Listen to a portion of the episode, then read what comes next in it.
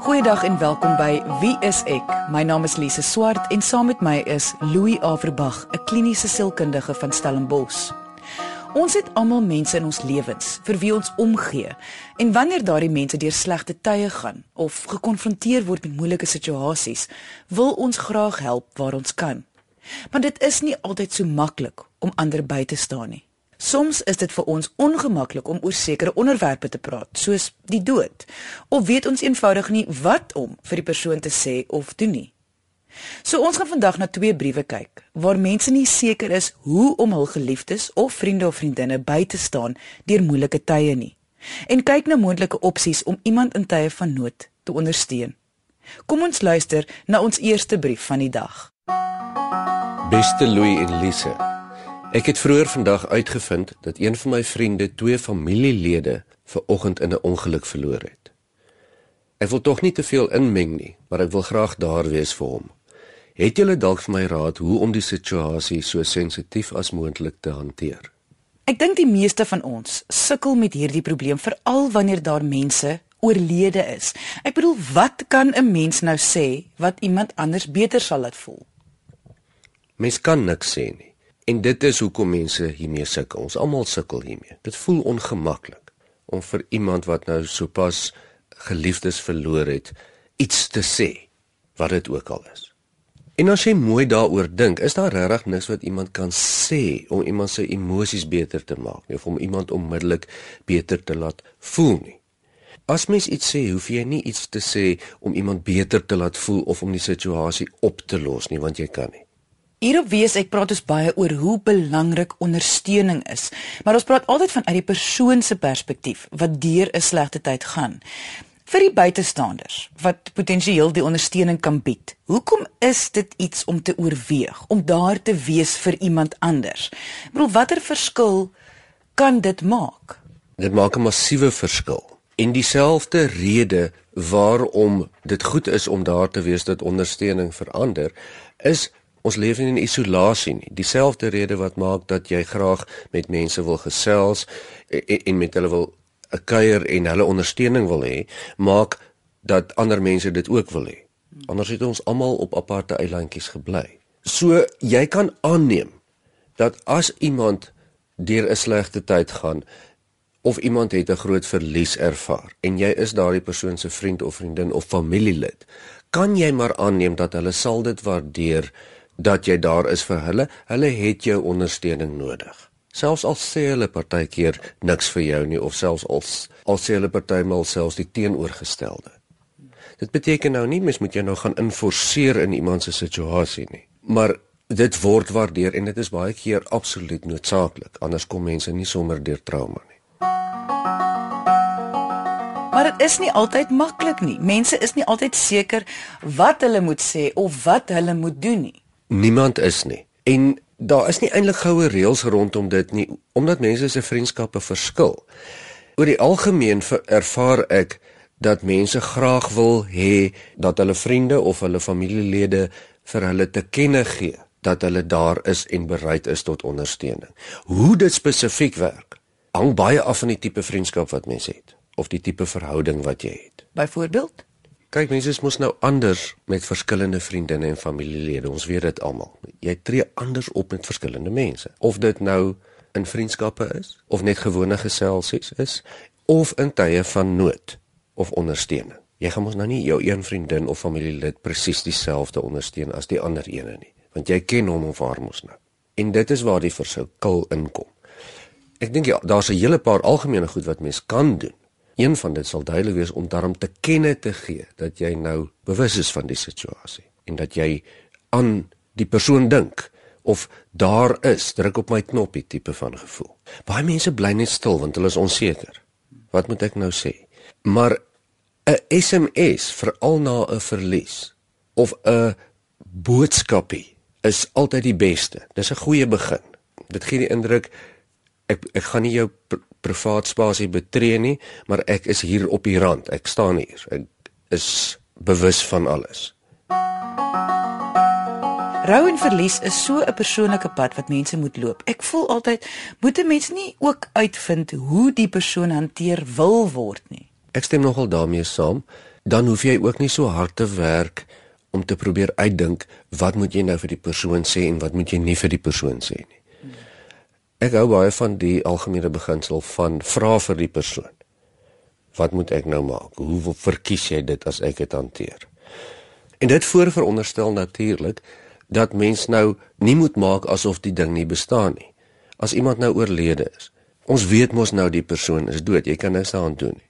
So dis waar jy na die persoon toe loop en sê maar luister, hoe moet ek jou ondersteun met die verlies van X of Y of Z?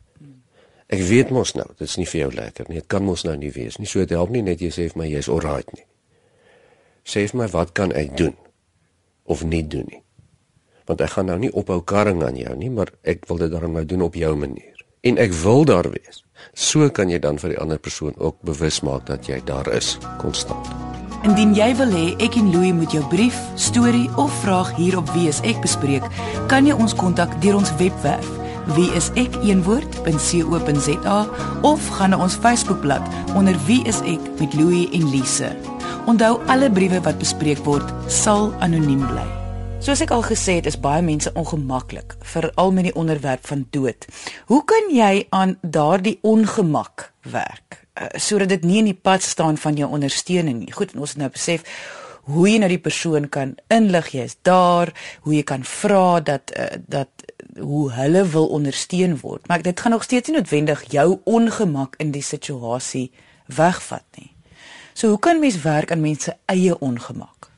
Ek weet nie of jy hoef te werk aan jou eie ongemak nie. Niemand het gesê dit hoef 'n gemaklike proses te wees om uh, iemand te ondersteun wat deur 'n moeilike tyd gaan. Jy kan mos maar ongemaklik wees. Maar ek sou voorstel dat jy dit dan so stel. Jy kan nie aanneem iemand weet jy's ongemaklik oor 'n onderwerp en dan bly jy net stil nie. Baie keer hoor ek by mense dat hulle selfs teleurgesteld in hulle vriende of familie want die persoon het my nie eers gebel nie of hulle het nie eers kom kuier nie of ek het net eers van hulle gehoor in daardie tyd nie. En ons besef as buitestanders gewoonlik dit is omdat die mense teen teen ongemaklik was en nie geweet het wat om te sê of te doen nie. Gewoonlik. Gewoonlik is dit maar ongemak of mense wil nie pla nie. Uh en soos jy sê baie keer weet nie wat om te sê nie. En veral oor dood. Ek voel altyd die maklikste ding daar is dan om vir die ander persoon op 'n manier te kenne te gee dat jy ongemaklik is. So jy sê sommer hoorie Piet, ek is ongemaklik hierdie want ek ek weet nie regtig wat om te sê nie. So jy moet nou my vir my help. Hoe kan ek jou nou bystaan? Ek hoor baie keer hoe mense soms geïrriteerd raak met hul vriende wanneer hulle nie rou soos hulle sou nie of nie vinnig genoeg oor 'n verlies kom soos hulle sou nie of eenvoudig nie normaal tussen aanhalingstekens reageer nie. Dit sit soms die ondersteuner af.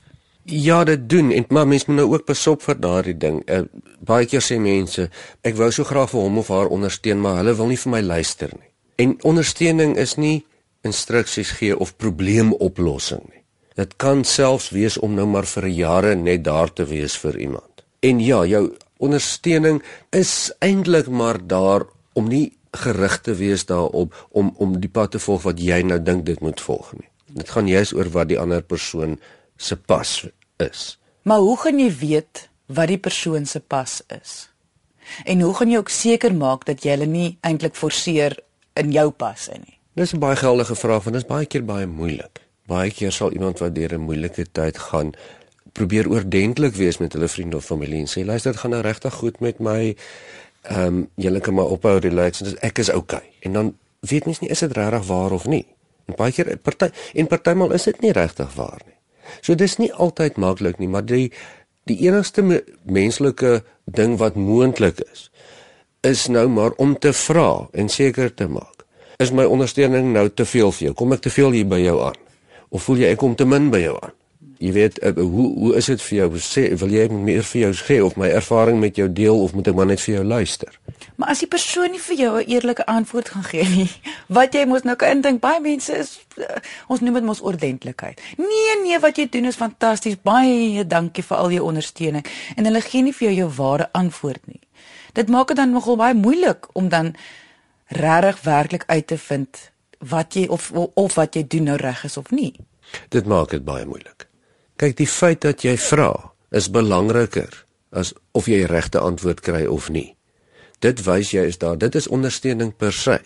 En as jy nie seker is dan vra jy maar weer oor 'n week en jy vra maar weer oor nog 'n week. Dit is ondersteuning.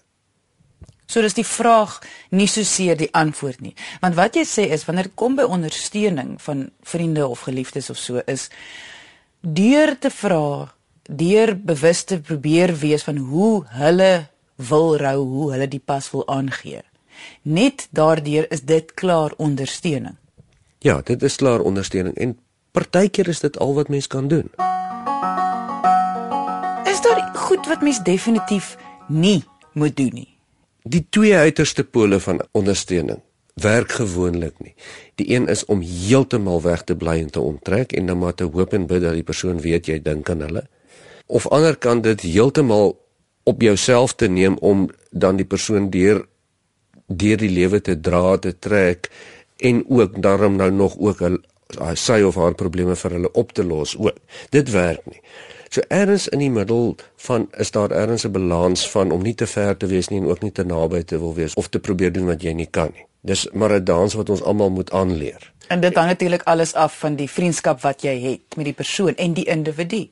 Ja, natuurlik. En die feit dat jy darm dit doen, is belangriker as of jy dit heeltemal reg kry of nie. So dit sal dan die raad wees vir die skrywer. Is vind uit hoe jou vriend dit wil hanteer en laat die vriend net bewus wees dat jy is daar. Ja, onthou net die bewustheid van dat jy daar is is belangriker as wat presies jy doen. Ons bespreek vandag twee briewe waar die skrywers onseker is oor hoe hulle hulle betrokke vriende of vriendinne kan bystaan tydens moeilike tye. Meeste van ons ken daardie gevoel wanneer iemand waarvoor ons omgee, vir hulp of ondersteuning kom vra, maar ons nie heeltemal seker is hoe of wat nou nie. Kom ons luister na die tweede brief van die dag. Louis en Lise. 'n Vriendin van my is desperaat vir hulp in verband met haar jongste seun. Haar oudste seun was 'n lid van 'n baie bekende bende in die Wes-Kaap. Maar toe hy probeer het om los te kom van hulle, is hy doodgeskiet. Sy ma werk voltyds en toe sy nou onlangs by die huis kom, is daar tekens dat haar jongste tienerseun aangerand of aangeval is. Hy weier om skool toe te gaan en bly heeldag tuis. Hy word afgeknou, maar hy wil nie uitpraat nie. Dit is onduidelik of hy neurologiese skade opgedoen het as gevolg van die aanranding, maar dit klink asof hy swaar praat. Hy is depressief. Moontlik verkeer hy in lewensgevaar. Die ma sê sy weet nie van 'n veiliger plek waar sy haar seun kan stuur nie. Wat kan ek doen om te help? Ek het haar aangeraai om na julle radioprogram te luister. Moenie my naam noem nie, moenie my kontak nie. Ek vermoed dat inligting op my rekenaar nie privaat is nie. By voorbaat dank. Louis, kom ons bespreek net eers wat die ma te doen staan, want dit is nie 'n een eenvoudige probleem nie. Sy voel duidelik haar seun se lewe is in gevaar en sy het al klaar 'n ander kind verloor. Hierdie is 'n baie moeilike een.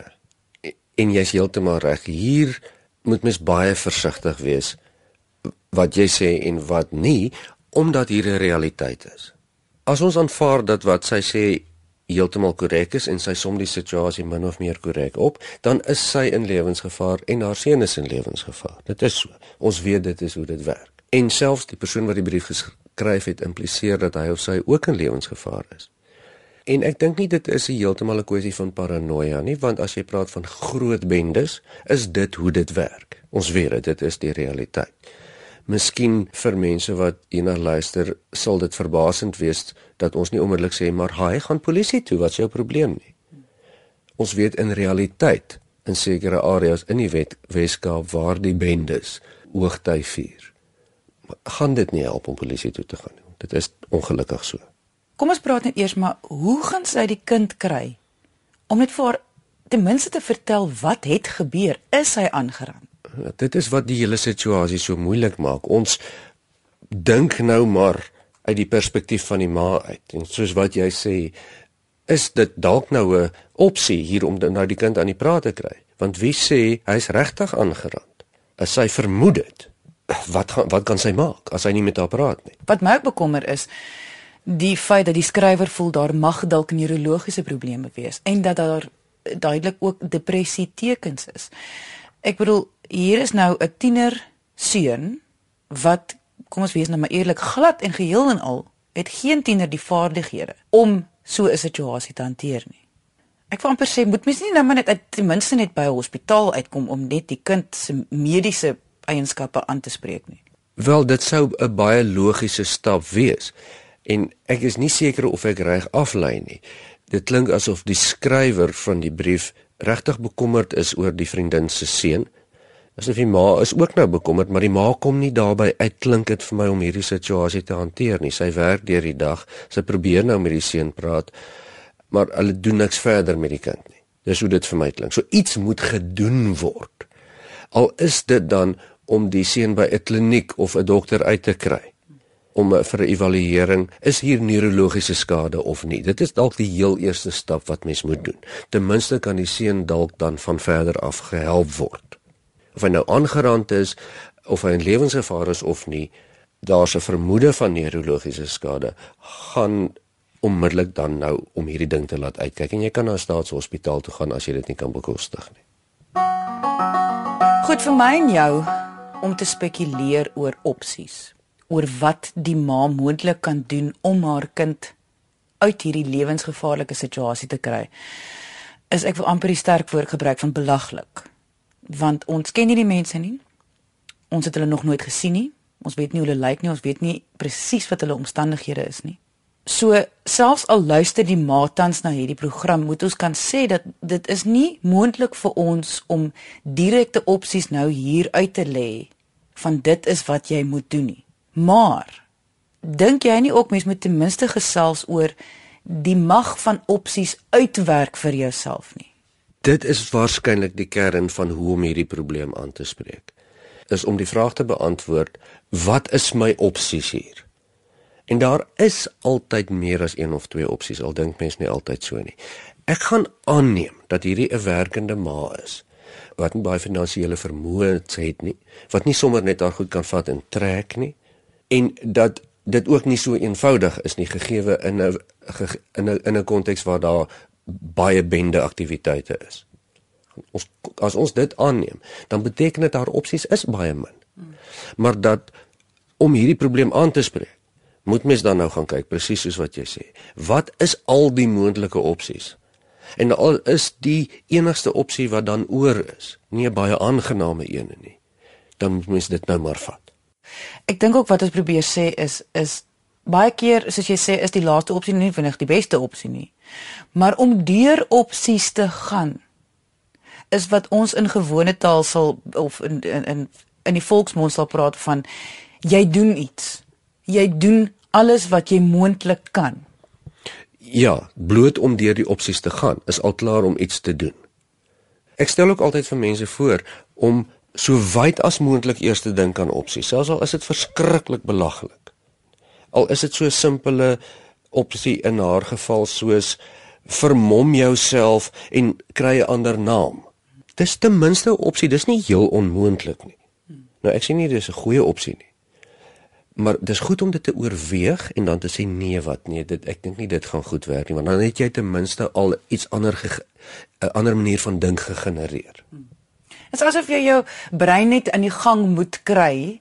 So begin by die belaglike opsies, maar werk dan dat jou brein kan begin dink en filtreer en 'n hele stelsel begin van opsies uitwerk. Ek stem met jou saam en pasop om dan van die begin af sommer te val vir die negatiewe implikasies van die opsie.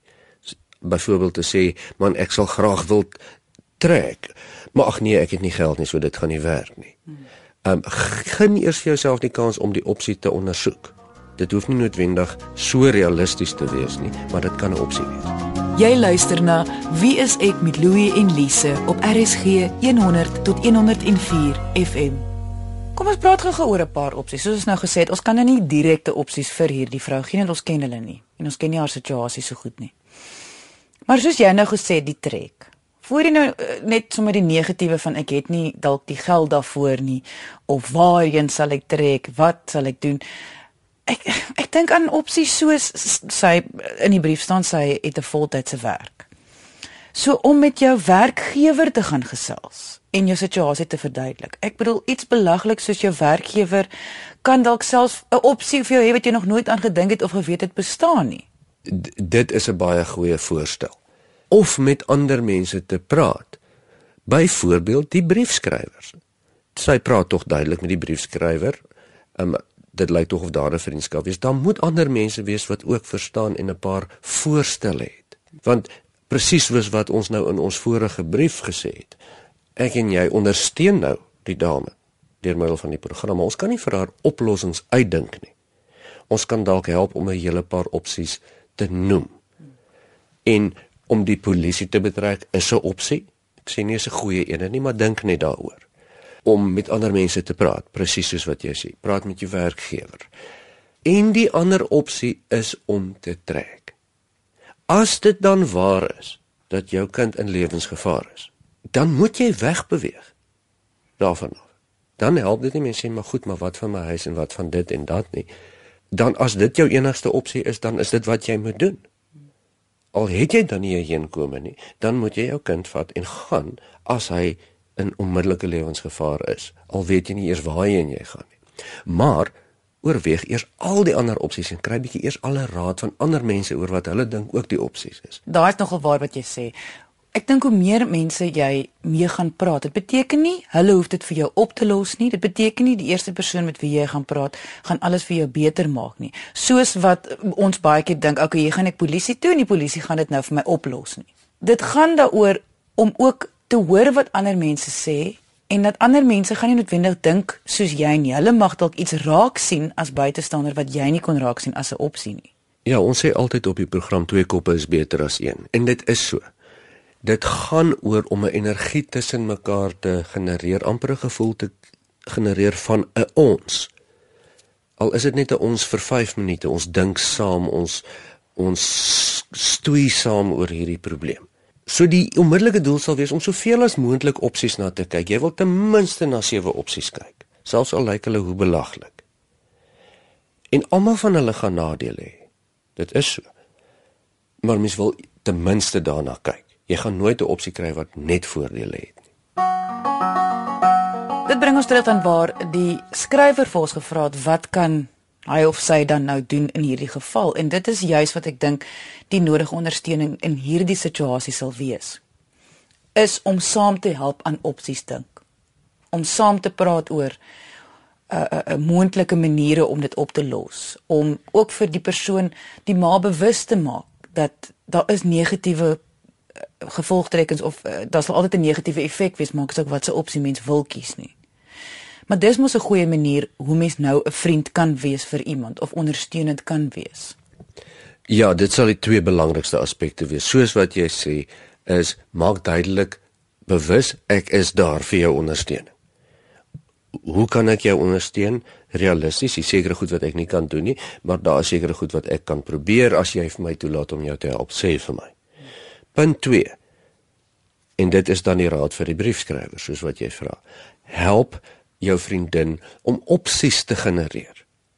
Om te sê maar wat van dit? En as jy soontoe sou gaan, wat van dat as jy dit en dat probeer? En onthou in hierdie gesprekke met jou vriendin, gaan dit opkom dat sy vir jou sê gaan sê maar dit is die negatiewe hiervan en dat is die negatiewe hiervan. Help haar dan ook om te kyk na die positiewe of om na te kyk as daar nie alternatiewe is nie, dat sy dan met die negatiewe sal moet saamleef. En die idee is weer eens om nie opsies af te forceer omdat dit dalk vir jou sou gewerk het nie. Dit is om ander opsies te help uitdink vir die persoon. Ons het aan die einde van vandag se episode gekom. Indien jy enige vrae oor vandag se onderwerp het of enige ander onderwerp, kan jy ons kontak deur ons webwerf. Dit is wieisek.co.za of kom gesels saam op ons Facebookblad onder wieisek met Louie en Lise. Baie dankie dat jy vandag ingeskakel het. Ons maak weer so volgende Vrydag 12:30 net hier op RSG. Jy moet 'n heerlike naweek hê he, en onthou, kyk mooi na jouself.